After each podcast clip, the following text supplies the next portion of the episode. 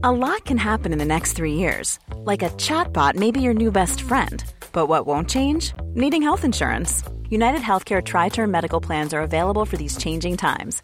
Underwritten by Golden Rule Insurance Company, they offer budget friendly, flexible coverage for people who are in between jobs or missed open enrollment. The plans last nearly three years in some states, with access to a nationwide network of doctors and hospitals. So, for whatever tomorrow brings, United Healthcare Tri Term Medical Plans may be for you. Learn more at uh1.com. Tired of ads interrupting your gripping investigations?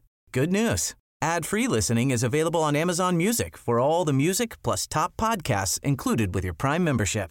Ads shouldn't be the scariest thing about true crime. Start listening by downloading the Amazon Music app for free or go to amazon.com slash true crime ad free. That's amazon.com slash true crime ad free to catch up on the latest episodes without the ads. Hej alla goa lyssnare och hjärtligt välkomna till ett helt nytt avsnitt av Mord eller Mord! Nu kör vi den här som vi bestämde då. Eh, det är samma gamla rövgäng. Jag heter Rebecka. Linnea. Tor Moa. och Ja. Petting Pete. Nej. En, eh, Ingen ska ge petting till Pete. Vem är nej, Pete? Petting Pete.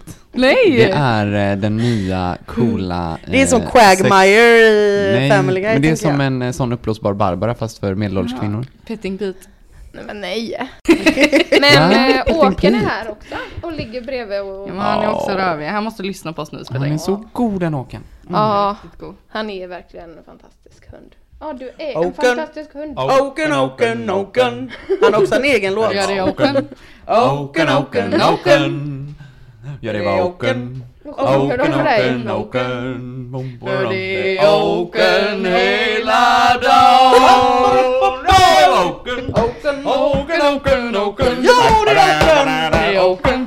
Oken, Oken, Åh, Oken. det är så glad! Det är Åken. Åken, Åken, Åken. Lilla, lilla Och Oken, det är Oken. Åken hela dagen. Han blir jätteglad nu. Bam, bam, bam. Han är Åh, så glad. Åh. Ja, Oken och råttan. Men Petting Pete, Petting Peeves, det är det vi tänkte göra idag med då. Ja. Fortsätta. Men vad heter det? Det heter ju inte Petting Peeves. Peeves. Det heter. Pet Det Peeves. heter Peeves Petting heter Pete. Tor släpper vi hela petting-grejen. Det är en softpornografisk det uppblåsbar docka. Ja, men förra avsnittet så Ja. pratade vi om saker som vi stör oss på, även kallade pet peeves. Vi fortsätter helt enkelt bara rätt in i det nu igen, för vi hade så många. Moa, du börjar. Ja, det är mycket splint här. Okej, jag säger två ord. Mm. Långsamt internet. Ah, ja. fy Alltså det stör mig så fruktansvärt. Jobbigt. Eller långsamma datorer Mm. generellt. Långsam teknik. Typ. Ja. Alltså jag har, jag har verkligen, alltså jag är en människa med dåligt tålamod. Men när jag ska in på en dator och det är långsamt, det, jag klarar det inte. Nej. Jag, jag, jag ger den inte ens en chans. Jag gör den tre sekunder, sen stänger jag ner sidan. Ja, jag, annat. jag, Skit i det tänker jag. sidan, uppdatera, alltså det är så här. nej, Nej men det finns inte, det tålamodet finns inte. nej. Jag, Vidrigt. nej, det klarar inte det. 100% ett i-landsproblem. Mm, jo, verkligen. Vad Men, händer eh, med min handduk? Den ska tvättas. Tung fråga. okej. Det är jag som ska tvätta den. Ja. Jag ska det snart. Ja, okej. Eh, Tor, har du någon mer pet peeve på lager? Ja, jag ska se här. Eh, där. Sladdar. Ja. Sladdar. Som eh, musiker i ett band där man kopplar in grejer. Mm, Eh, så är det jätte, jättejobbigt med sladdar överallt. mm, Det är jag sladdar till pedaler, det är sladdar till gitarren och sen till stärkaren och så snubblar man hela tiden. Mm. Får man feeling då har man alltid en sladd runt foten när man ska ta sina små steppande danssteg. Det värsta är Det är för sladdisbarn. Ja, det är de värsta sladdarna. De är vidriga. Hemskt. Och sen eh, sladda till telefonen. Te- Det är alltid för kort. Sladda med cykeln. Ja, det är jobbigt. Men det är inget som jag stör mig på så. Mera, mera sladdar generellt är bra att ha. Men vi- det är ett modernt samhälle vi lever i och det är alldeles för lite sladdlöst. Ja, jag håller med. Jag håller helt och hållet med. Förstår Absolut. inte varför det trådlösa är så dåligt också. Men eh, då måste jag dra min pet peeve. Och det är hörlurar som man måste ladda Mm, ja, men hela det, motherfucking det, är det- tiden. Det är också en del av det för att man Hela tiden använder dem. eller menar du bara laddningsbara Nej, men generellt? jag eller? menar att jag lyssnar extremt mycket på podd. Mm. Hela, hela tiden. Och att jag ska behöva ladda mina hörlurar två gånger per dag Mm. är orimligt. Men det är orimligt. Är men då har du ju jättedåliga Ja. hörlurar. Ja. Men alltså på tal om trådlösa saker. Jag blev helt till mig. Jag var, jag var och tatuerade mig hos Maja-Lisa för, äh, Bäcken för ett tag sedan. Hon är, man, jag vet ju att många av er följer henne. Men skitsamma. Mm. Hon hade en trådlös, eller sladdlös tatueringsmaskin. Nej, vad fräckt. Mm, det är bra. Så jävla gött! Tänk Det dig är- om du nu ska köpa en tatueringsmaskin Linnea som du har pratat om. Mm. Då är det ju en, en sladdlös man ska satsa Ja. på. Alltså, kan det, man är, ju, det är dyrt som snor alltså. ja, men, Kan det väl få Som vara den värt? första kanske det men är. om vi bortser från det så är det nice. Ja men ändå ball. Så Ja. jävla gött att bara Riktigt ball. kunna ta med den lite här och var liksom. Mm. Sitta och bajsa, tatuera sig själv på ankeln samtidigt. typ. Fem men det är minuter in och alltså. någon har redan nämnt ordet bajs. Ja. Bajs. Ja. Jag tycker att så här, eh, Tror inte det var rekord. Alltså, Nej, det var det faktiskt måste inte. vara ett stort problem att ha den där sladden. För jag tänker typ som en lödtång också. Man är livrädd att låka löda på sladden. Eller Ja, sån här, ni vet mm. såna trimmer, såna trimmer, ring ring som snurrar snurrar när man ska ta. Men också att den sådana måste, ju, ryggryck. den måste ju plastas in för den kan ju vara en smittospridare liksom. Det med. Mm. Så det är ju en hälsoaspekt i det med tänker jag. Mm. Jag har en grej och det här gäller bara när jag är på dåligt humör. Mhm. För att då har jag ett stort behov av att ha, alltså jag har en väldigt stor sån här bubbla runt mig. Och då tycker jag att det störigaste i världen som finns är när någon ska göra samma sak som jag ska göra. Det kan vara vad som helst. Va? Ja men om jag ska gå på toa och så ska någon gå på toa samtidigt och så kanske man liksom krockar eller så ah, ska du, ska du kissa? Jag behövde kissa. Alltså det får mig att bara ryka av åt helvete. Eller som smörknivsincidenten som tas upp då och då. Jag har förberett en smörkniv ska smöra en macka. Det är tillräckligt irriterande att någon annan är i köket och ska göra mat samtidigt som mig. För att jag är där och gör min mat då liksom. Och så har jag förberett en smörkniv och Tor tar den. Och det smöret till sin jävla macka. Hur vågar du Tor? Alltså jag, då Det gick kändes det inte bra. onödigt. Då körde Linnea Ta den här smörkniv. eh, ledset barn Ja men jag fick den reaktionen. Stampade i golvet. Med armarna i kors och bara "Du tar inte mitt smör!" Det var inte det sista smöret eller? Nej. Det var bara... Men det var min här, jag hinner ju- smörkniv. Jag hinner ju smöra här Nej innan. men eh, bara låt mig vara och gör inte samma sak som jag ska göra. Alltså, ja. Jag, jag, jag har ändå lite svårt att relatera, Ja. men jag hör vad du säger. Mm. Tack. Känner mig bekräftad i mina Ja. känslor. Det låter som... Men är det inte typ skönare att bara skita i att vara där folk är när man är på det humöret då? Jo men ibland måste man ju, men sen, jag är ju på det humöret så jävla ofta. det går inte. Även vi är det ju, Precis, då kan du inte göra någonting Nej. istället. Men du bor ändå i kollektiv, det är fan strångt ändå. Ja, faktiskt.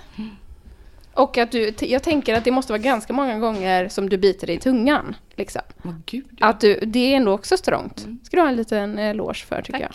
Varsågod. Är inte det bara vanligt hyfs? Men om man tänker sig att... att Linnea lider av en svår sjukdom som Jo, gör att hon, är, att hon tycker det är jobbigare att leva än Jo. andra. jo. Det är bara det att du hävdar det så mycket, att det är så jobbigt. Jag går nu. Ja. Nej! Det blev sådär stämning Nej, igen. nu blev det så Jag upptäckte precis att din mick matchar din t-shirt och det Ja. är väldigt fint. Det gör den faktiskt. Ta inte på mig. Och din matchar ju din tröja. Ja, det gör det. Ja. Okej. Min matchar min, match, matchar min själ. Ja, Mm. precis. Ja. Vi har ju olika färger på våra puffskydd.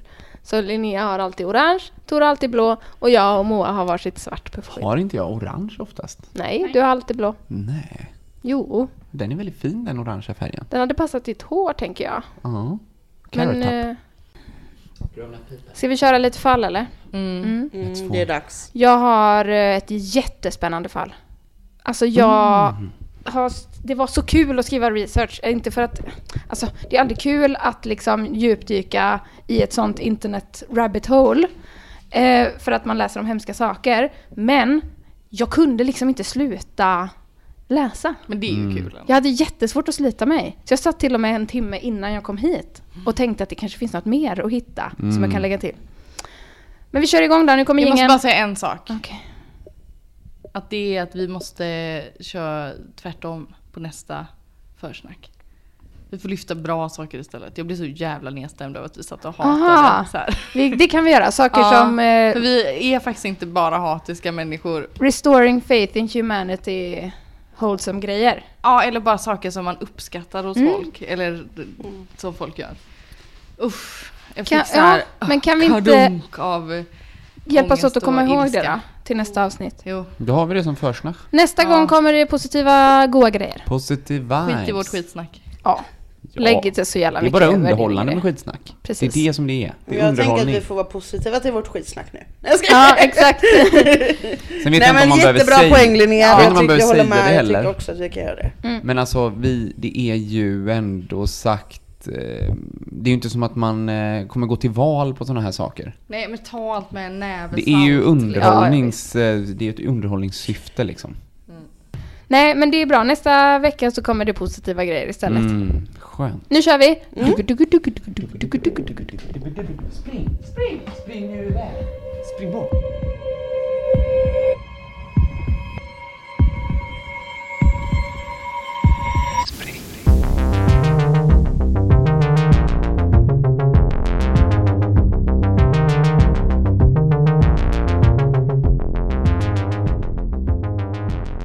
Den 10 september 1999 i Albuquerque, New Mexico dyker inte Gudrun upp på sin arbetsplats där hon jobbar på en bank.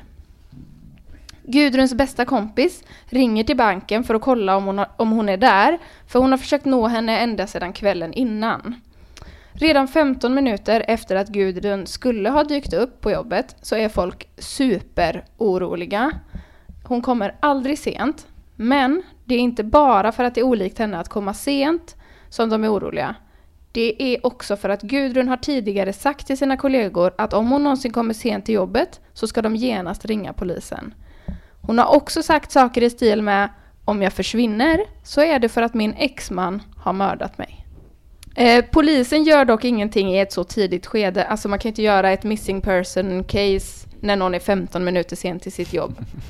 Eh, polisen tycker att det är rätt så extremt liksom. Så en av Gudruns kollegor bestämmer sig för att åka hem till Gudruns lägenhet och ringer tillbaka till banken en liten stund senare för att berätta att Gudruns bil står på parkeringen, ytterdörren är låst och det är ingen som öppnar. Och då så kommer de tillsammans på att han kan ta kontakt med hyresvärden som liksom har nyckel till lägenheterna. Så med hjälp av hyresvärden så kommer han då in. Eh, och i lägenheten är det ingenting som är särskilt ovanligt.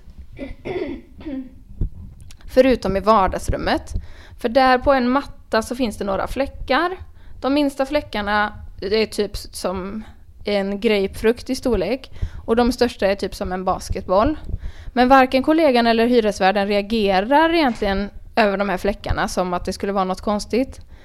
Ehm, på banken så ringer kollegorna till polisen en fjärde gång och berättar då att Gudrun varit rädd för sin exman och till och med bett kollegor och vänner att genast ringa polisen om hon försvinner.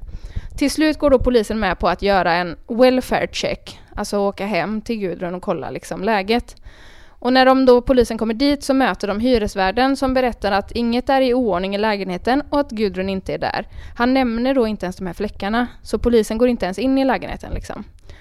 Eh, Även hyresvärden berättar för polisen att Gudrun varit rädd för sin exman och att hon flyttat till lägenheten för att hålla sig gömd. Då åker polisen hem till Gudruns exman, som jag kallar för Darius.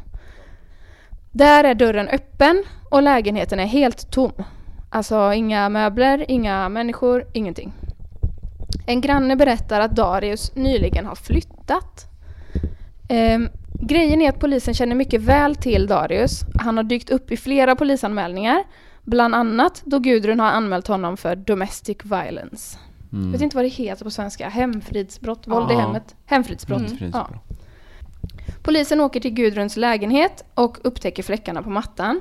Hela lägenheten luktar klorin, så då startar de en sån luminol undersökning, ni vet. Mm, med blå lampa. Precis. Och då lyser hela lägenheten upp som julgransbelysning. Nej, fan. Polisen kan konstatera att någon har förlorat väldigt mycket blod i den här lägenheten. Eh, dagen efter Gudruns försvinnande är det en man som kör på en motorväg en bit bort från eh, där Gudrun bodde. Och vid sidan av vägen ser han något som han tror är en filt, typ upphängd på någon slags pelare eller staket eller någonting. Och han tänker då att det skulle vara väldigt farligt om den här filten liksom fick fart i vinden och flyger ut på vägen och sådär. Man kan få den på vindrutan och så krasch.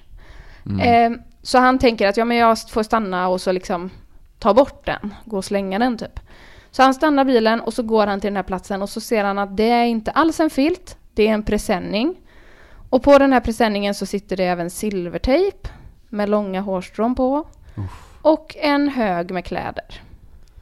Och hans då första instinkt, som jag tycker är väldigt konstig, är att han ska plocka ihop allting och leverera det till polisen. Så jag vet inte vad han tänker riktigt, om han kanske inte fattar att det kan finnas DNA på de här grejerna eller så. Men han eh, tar i alla fall alla de här sakerna, lägger dem i bilen och kör iväg dem till polisen som skickar iväg dem på analys. Fyra dagar senare, alltså efter Gudruns försvinnande, så får polisen nys om att flera personer anmält att de fått hotfulla samtal ifrån Darius. Det är Darius skilsmässoadvokat, en granne till Darius och en kvinna från en adoptionsbyrå. Nu börjar det bli crazy här. Så nu får ni vara snabba pennor här.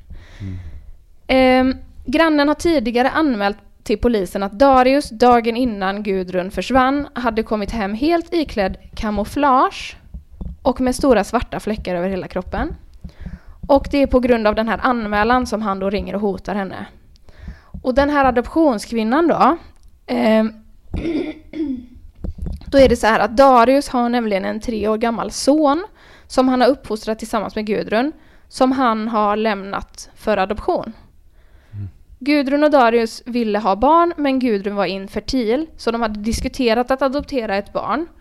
Och det här barnet då, som de har uppfostrat i tre år, det har Darius bara en dag plötsligt kommit hem med, när ungen var typ en månad gammal. Och då har han sagt att den här pojken har blivit övergiven av en vän till honom i Mexiko. Så då har han bara tagit det barnet. Och så i tre år har de då uppfostrat den här lilla pojken och nu plötsligt så har pojken blivit lämnad på en adoptionsbyrå. Och när Darius då har lämnat bort det här barnet på adoptionsbyrån så berättar han för kvinnan som jobbar där att han är dödssjuk i leukemi och bara har typ en månad kvar att leva. Och det är därför han inte vill liksom att barnet ska bli alldeles ensam då. Ehm, och då sitter han typ på hennes kontor och liksom hostar upp blod så att hon köper det ganska rakt av. Men när man startar en sån här adoptionsprocess då eh, kollar man ju, alltså adoptionsbyrån kollar ju personens bakgrund och gör en hälsoundersökning. Ehm, för att man ska veta om det finns någon genetiskt eh, buren sjukdom som barnet kan få liksom. Eh, ärva av sin biologiska förälder typ. Och under den här undersökningen så ser de då på Darius blodprov att han är helt frisk. Han har ingen cancer. Eh, man upptäcker också då att Darius är pojkens biologiska pappa. Men vem är den biologiska mamman? Undrar man ju. Och på den frågan så svarar Darius att pojken inte har någon mamma. För att barnet är citat “grown in a lab”. Alltså inte IVF menar han inte, utan han menar hopkokad i en livmoder av plast. livmoder? Aha. Ja, precis.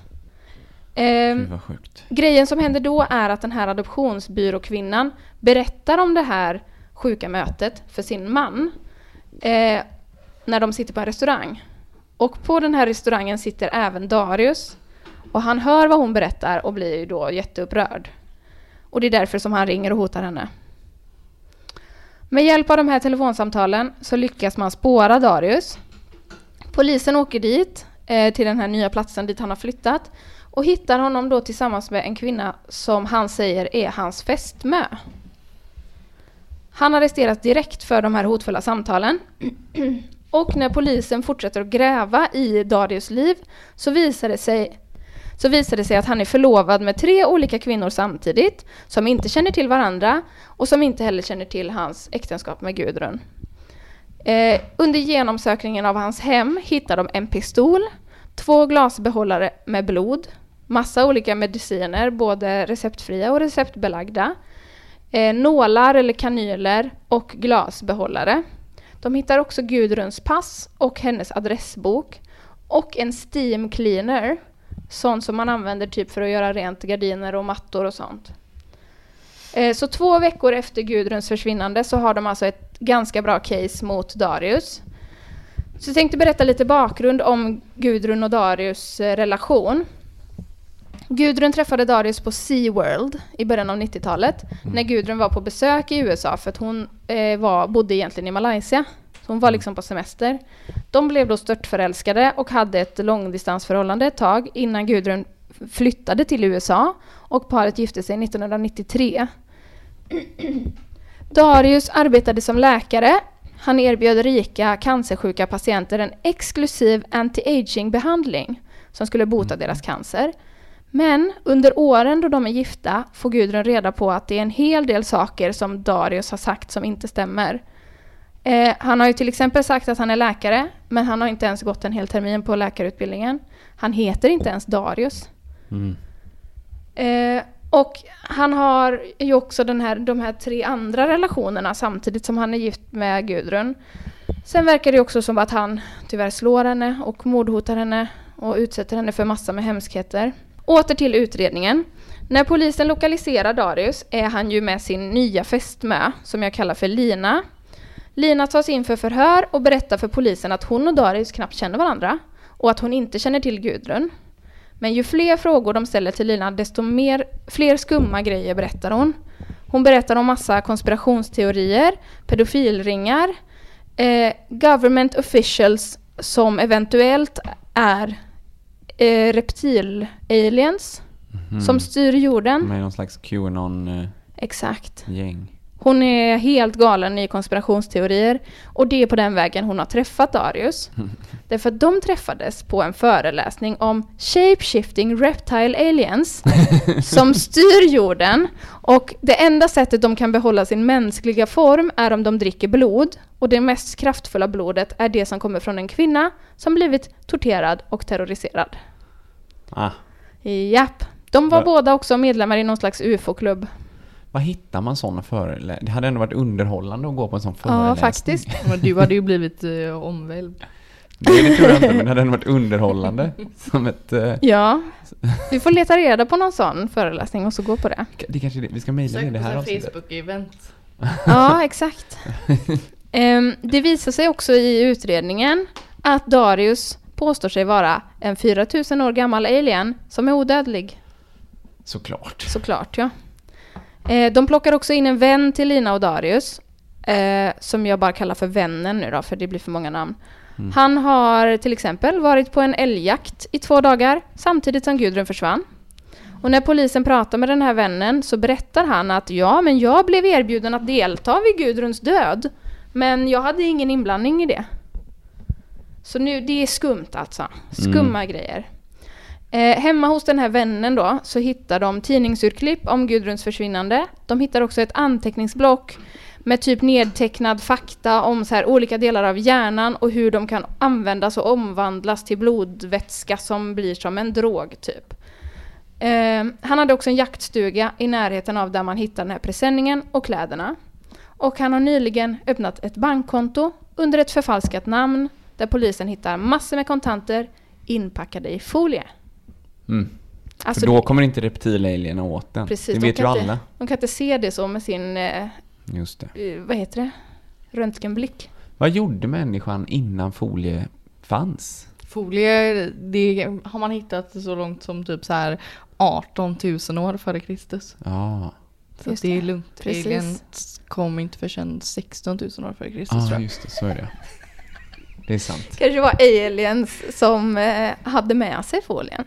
Ja, och sen har det kommit en ny alienras då, reptil-aliens, som vår, har antagit en mänsklig form. Ja, just det. Och så. Det är något med folie alltså. Det är magiskt med folie. Verkligen. Aluminiumfolie. Ja. ja, men det här Ja. är ju det här är galenskap. Helt och hållet. Eh, men polisen har alltså en hel del tankar, idéer och bevis. Men de har ju fortfarande ingen kropp. Alltså de har inte hittat Gudrun. Vilket försvårar en hel del i utredningen. Eh, ungefär sex veckor efter att Gudrun försvunnit så får polisen då ett samtal ifrån labbet dit de har skickat alla de här grejerna. Eh, blodet på kläderna och presenningen matchar Gudruns. Blodet på mattan i hennes lägenhet matchar Gudrun, men även Lina. De hittar också hår och saliv på båda ställena som matchar Darius. Och hår på den här presenningen där silvertejpen satt, som matchar Lina. Eh, det finns också en massa andra konstiga grejer i den här mattan, typ pysselmaterial, glitter och sand typ. Eh, Och på kläderna och presenningen hittar man djurpäls från katt, rådjur, hare och typ fjädrar. Och Gudrun hade inga husdjur. Lina däremot hade sex katter. Och den här vännen hade ju en jaktstuga. Och i den jaktstugan hittar man också spår som matchar dem som finns på presenningen. Mm. Ja, nu får ni lov att gissa. Oj! Bara rakt av så? Mm. Tror du skulle komma ännu mer. Nej, jag tar det till spar det till sen. Ja. Aj, aj, aj. Ehm, Skrev så pennan brann för att hänga med på allting. Jag skrev tre, tre ord. Gudrun, Darius och Lina. Det, Det räcker för att din hjärna ska ha koll. Jag måste ha så här en och en halv sida men text. det jag har svårt att hålla koll på är namn, men resten går ju in liksom. Hmm, oj då. Ja. Mm. Eh, ah, shit, är det mord eller myt? Jag tycker ju att det här känns som ett eh, mord också. Eh, och så är det... Jag menar det känns eh, som... Vad heter den här... Jag läste någon bok om, om psykopater. Typ Så känner du igen en psykopat eller någonting. Lite förenklad variant av psykopati. Mhm. Och det känns ju som... Eh, som att det beskriver en... Eh, någon form av psykopat. Mm. Den här Darius. Textbook example Är det han nästan. som har skrivit den här färgboken? Nej, eller jag vet inte. Har han gjort en psykopatbok också kanske? Ja, det kan, tror jag. Kanske är samma. Jag Han inte. som är det här man är gul eller röd person. Eller Ja, just det. Ja. Vad heter Mm. den? Idiot någonting. Omgiven Av av idioter. idioter. Ja, just det. Mm. Det finns nog en säkert en som heter Omgiven av psykopater också. Det kanske är den Ja, jag tror det är så. Mm. Att han har skrivit den också. Jag vet inte. Det var på i en app så att de böckerna försvinner ju. Mhm. Mm. Eller, de, man ser dem inte varje dag så då kommer man aldrig ihåg vad de heter. Nej, just det, precis. Jag får också känslan av att det har hänt på riktigt. Jag får också mordvibbar Ja. för att det är redan så här eh, skumma grejer i, alltså mytdelen i det hela är reptilaliens eh, Mm. böset som Mm. Darius och Lina håller på med. Men sen den här grejen att eh, ha, eh, att ljuga, att ljuga sån, att man, det är såna avancerade stora lögner. Och att man dessutom lever ett eh, trippelliv liksom i flera olika, allt det här känns som eh, som att det finns vissa individer som gör liksom. Mm. Jag tänker också att det är väldigt så här, eh, det finns inget syfte med att hitta på en myt kring en eh, kvinna som blir misshandlad, torterad och bortförd eller mördad då av sin exman. För att det där händer dagligen hela tiden. Så att det finns inget eh, mytiskt värde i en sån typ av historia. Om det inte Om det visar inte- sig att de här ja. reptilerna är på riktigt. Om det Ja. inte är så att det mytiska i det är att han träffar kvinnor för att kunna tortera dem och dricka blodet. Jo men det är väl det som är hela grejen då. Ja. Men det är ändå så här, det finns ju sådana galningar. Mm. Det har vi ju redan eh, etablerat i den här podden innan. Mm. En och annan. En och annan! Ja. Jag, blir, jag är lite nyfiken på den här, äh, det här barnet, vad det har, eller så här, Mm. Den adopterade. Som mm, inte... som visar sig vara har blöd. hans, som han sen gav bort. Kan ju vara att det, från en annan av hans eh, Mm. damer som han ändå har mördat när barnet är fött. Antagligen att liksom, men äh, Förmodligen är det ju ingen eh, Ingen artificiell livmoder mm. eller alien reptil avkomma. Förmodligen säger du ändå. Mm. Du vill Men, ändå... Jag håller hoppet uppe. det känns, ja. Alltså han, han luras ju att han är läkare. Mm. Klassiskt. Klassiskt. Men jag tänker att då behöver man ha ändå lite koll för att kunna lura någon att man är läkare. Eller? Men det räcker att man läser på man lite och lär sig lite facktermer typ. Det är ju lätt att bara säga nej men jag får inte berätta någonting för att jag har ju Det är ju konfidentiell information Tänk här, eftersom eller? att han luras att han har leukemi. mm. Som är jättelätt att ta reda på att han inte har. Han är ju dum i huvudet uppenbarligen. Ja. Han tror ju på reptila aliens. att, Nej men jag ser att det här har hänt. jag med, jag säger mord. Det är mord. Vi ser 1999 då? Jo, Ja, lätt det är ändå alltså. rimligt. 99. I New Då, Mexico. 99 var crazy år Ja. alltså. Jag tror jag lärde mig cykla. Night we gonna party like it's 1999. Är det inte så? Eller är det inte. 89? Nej, 1999 tror jag Ja, jag tror det. Nej, nej, nej, nej. I've got 99 problems. I've got 99 problems. Nej. Nej, vill ni veta? Ja. Ja. Ja. Ni har rätt. Ja! Oh, oh, ah, nej, nej, nej, nej, nej, nej, nej, nej, nej, Det här är inte bra. Nej, det är Sjukt att det har hänt ändå. Ja. Det Men den här här- eh, reptilgrejen är ju ändå eh, närvarande i, alltså de här som störtade Kapitolium. Eller störtade gjorde de inte, men eh, invaderade den här jäveln. Men Många av du dem... gick in i ditt mind. du skulle komma på vad det hette. Jag bläddrade mellan dammiga pärmar. Ska vi se, se, se. USA. Man såg det verkligen i ditt ansiktsuttryck att du bara... Eh, det var som en sån loading-cirkel. Ding, ding, ding, ding, ding. Kapitolium. Ja, det kom ändå fram. Nu vill jag höra här. Ja, Ja, nu ska vi få höra. eh, den här kvinnan som jag kallade för Gudrun, hon har ett jättekonstigt namn. Eh, det var därför jag fastnade för den här eh, berättelsen från första början. För hon heter nämligen Girly Chew Hossenkoft. Girly Chew. Hossenkoft. Host, Gillar Hossenkoft. Hossen, Hossenkoft, det låter som någon i Sagan om ringen. Eller hur? Låter bara tyskt tycker jag. Nej, Det låter som någon i Fylke. Mannen som jag kallade för Darius eh, heter Diazen, Diazien Hossenkoft. Vilket ju är ett fejknamn för egentligen heter han Armand Chavez. Huh. Men han har valt det här namnet Diazen Hossenkoft eh, för att han ville att det skulle låta japanskt och tyskt därför att han ansåg att det var de bästa raserna av människor som fanns då på jorden. Ja, ja. Han är ju spritt språngande galen Ja, det är han Men, verkligen. eh, Riktigt crazy. Är han död idag? Eh, nej, det är han inte. Han lever. Han sitter i finkan. Jajamän. Finkan. Skönt. Eh, under rättegången behöver alla dessa tre, alltså eh, Diazien och hans, Diasen ska jag säga, Diasen och hans fästmö Linda, som jag kallar för Lina, och deras kompis Bill, som hade den Klart här han heter jaktstu- Bill. Bill Myers, Ja. tror jag han heter. Bill Myers med jaktstuga. Precis. Det är så här, ja det är väl var tredje amerikan i USA Mm. typ. Exakt. Nej men de måste, Jänkarna va? De där jänkarna. de alla tre måste liksom vittna både för och emot varandra. Alltså för de är ju huvudvittnen i varandras rättegångar. Mm. Så det är ju jättesvårt att liksom avgöra vad det är som faktiskt har hänt. Så man vet fortfarande inte än idag liksom, vad, hur det har... Hittar man Gudrun då? Nej. Mm. Och jag kommer till lite mer sjuka grejer om det. Men... Men har käkat upp henne. ja, du är inte helt fel ute där. Darius berättar att han själv är ytterst ansvarig för mordet och att han hyrt Bill till att utföra mordet. Medan hans, eh, alltså det han skulle göra var att städa lägenheten. Och att eh, Linda då inte har någonting alls med det här att göra. Och jag har lyssnat på hans vittnesmål. Och han är så läskig. Men Bill eller eh, Nej, v- Darius Dyson. Dyson? Ja, Darius. Alltså han har den läskigaste rösten. Uh. Och han pratar om att han har jagat eh, Girlie som en, den hund hon var och hon flydde som en eh, rädd kanin. Alltså det är så jävla luff. Mm.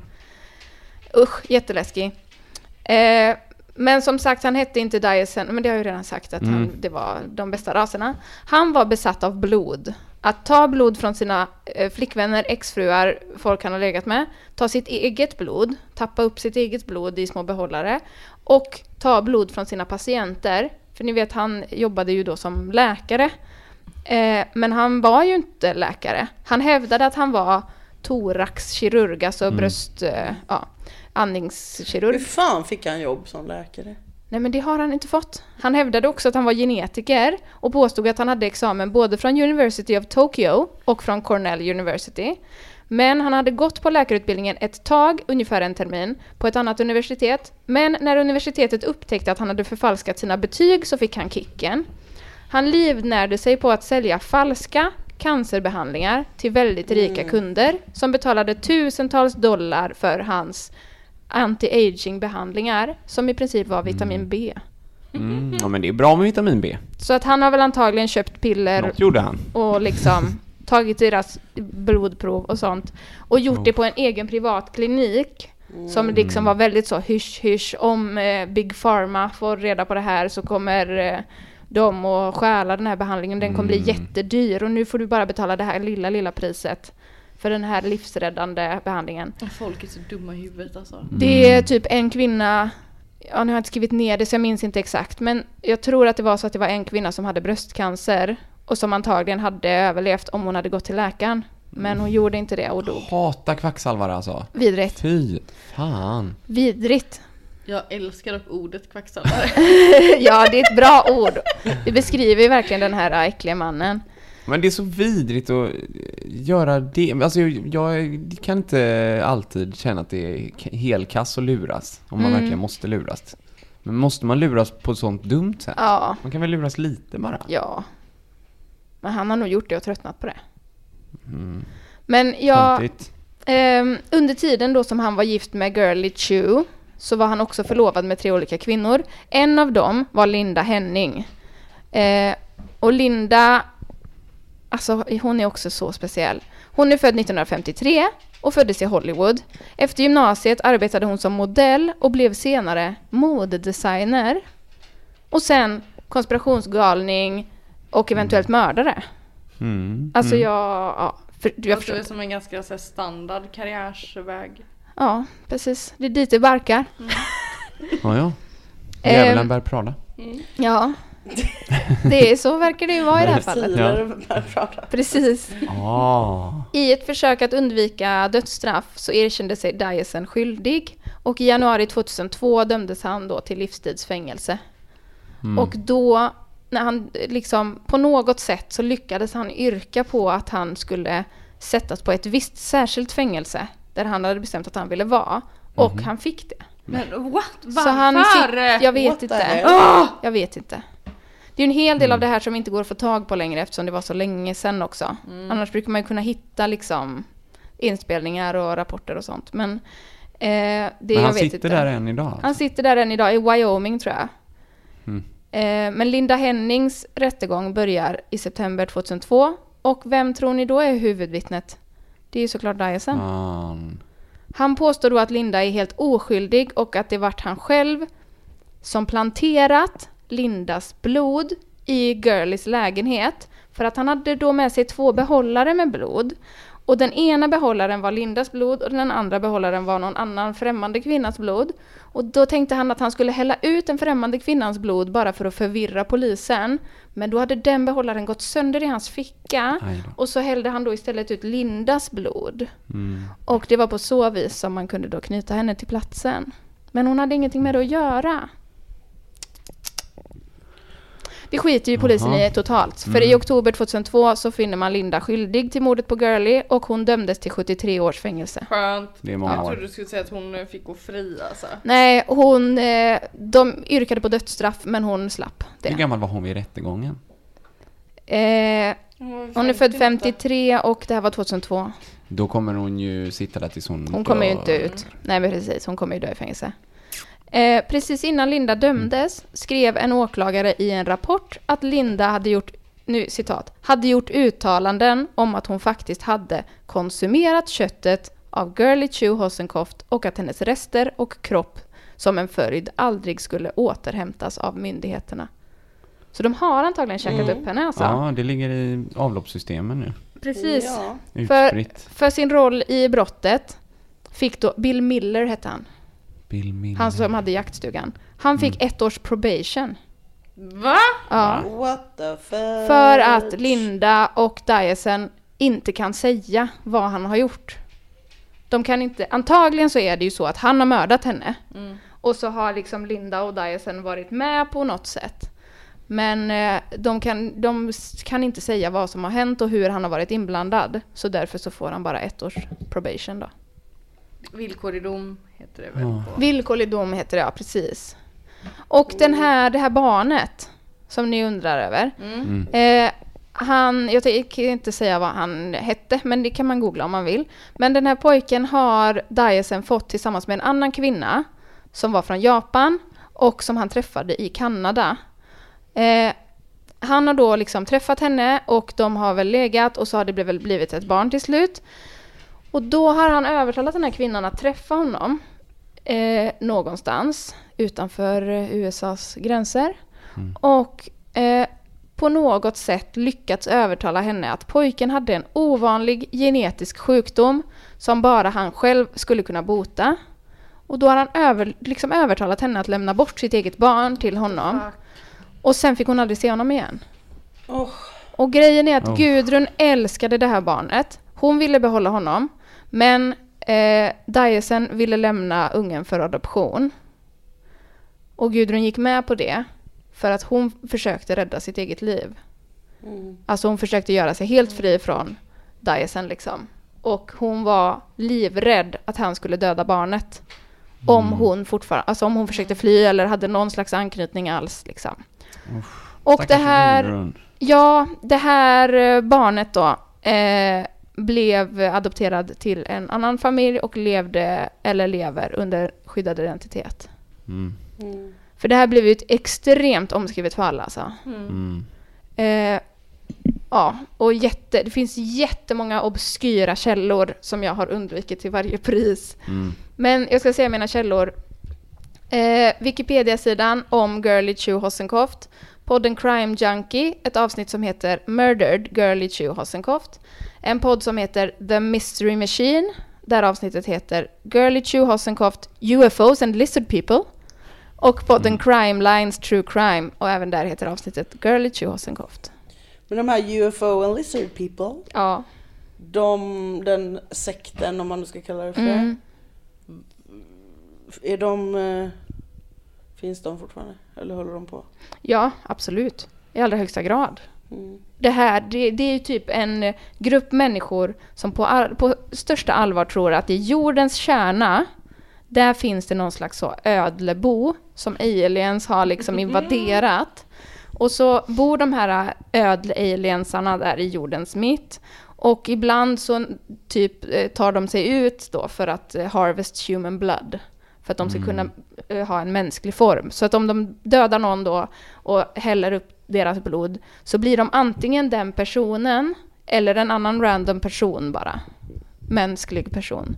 Och så styr de, de sitter ju också i Vita huset. Och sådana saker, de styr ju världen liksom. Såklart. Och de har kanske varit inblandade i månlandningen, vem vet? Ja. Eller något klart. annat sånt där äh, konspirationsteoretiskt. Mm. Det hade varit kul att kontakta dem. Ja men precis, vi kan eh, undersöka den möjligheten tänker jag. Oh, Vill vi höra av oss till fler sekter? Ja, kanske. Det Jag vet är inte om kul. de är lika lätta att få tag på Nej. dock. Jag tror att det är Nej. mer så här att folk Ödlor är som... snabba. Nej jag skojar. Ja. Det är nog mer så folk som sitter eh, själva hemma bakom sin datorskärm. Ja. Snarare än ett sammanhang där man träffas liksom. Precis. Mm. Men de Ehm, här föreläsningarna och grejer måste ju hållas av någon. Ja, precis. Ja, Vi kan väl kika lite på det alltså. I, I utbildningssyfte att gå på en sån föreläsning. Ja, Alla föreläsningsningar lär ju vara digitala nu ändå. precis. Ja, Då kan man precis. passa på.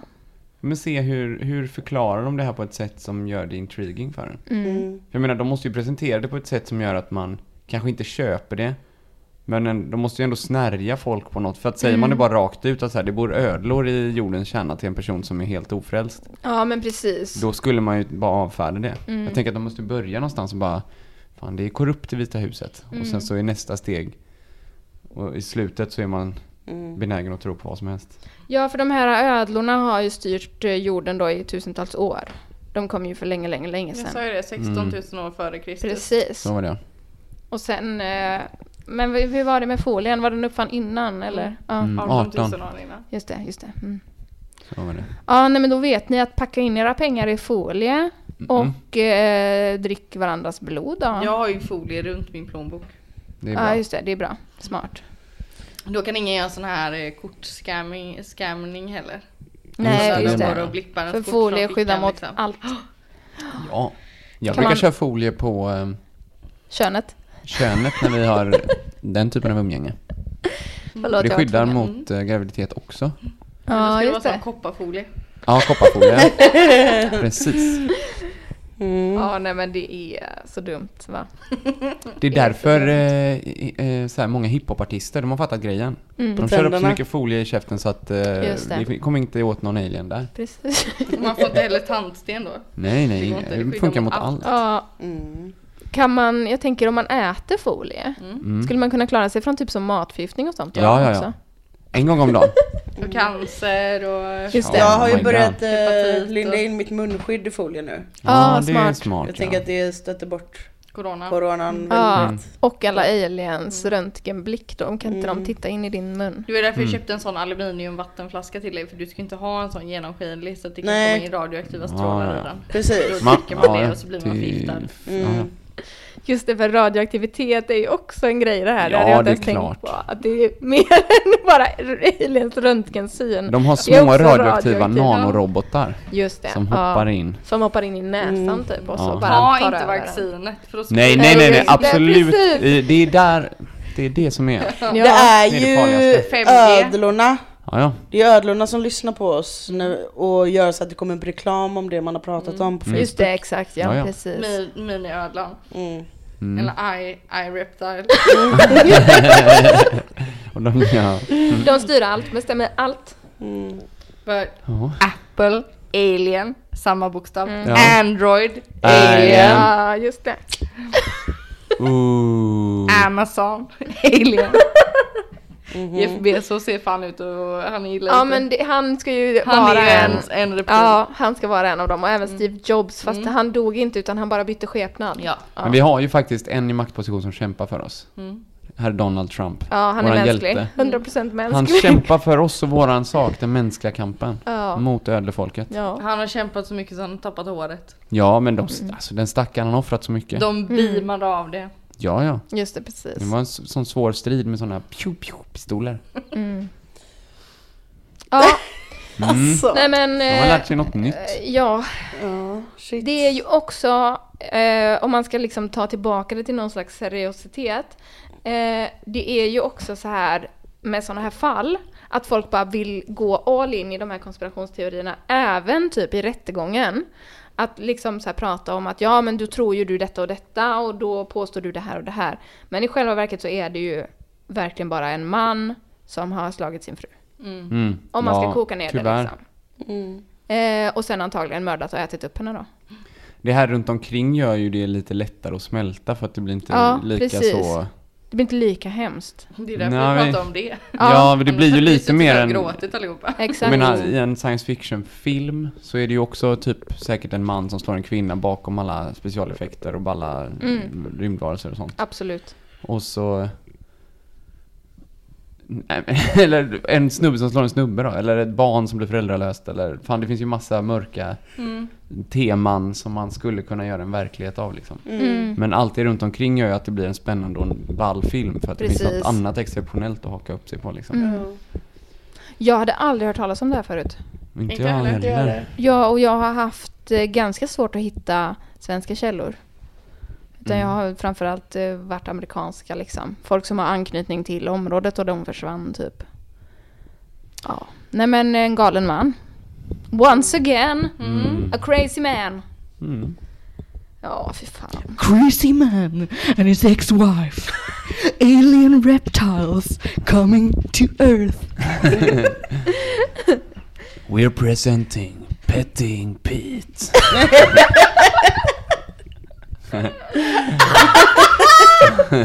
Det är han som är Petting Pete. ja. Åh, fy fan. Det knöt vi ihop avsnittet Ja. bra. Stiligt. Snöre.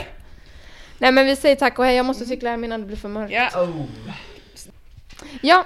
Eh, Tack och hej leverpastej. tack och hej. Kommentera gärna era peeves på vår Instagram. Ja, det är Och kul. Det kan bli bra våra. diskussion. Vi har också spett på för underhållningssyfte. Glöm mig det. Som sagt nästa gång kommer det lite mer positiva vinklar. Kärlek! Mm.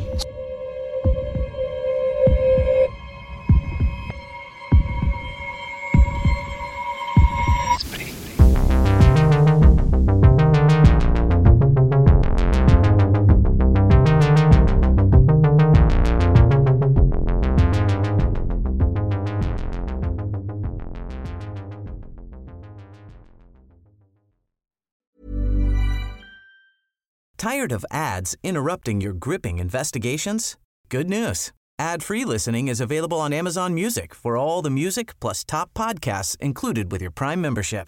Ads shouldn't be the scariest thing about true crime. Start listening by downloading the Amazon Music app for free or go to amazon.com slash true crime ad free. That's amazon.com slash true crime ad free to catch up on the latest episodes without the ads.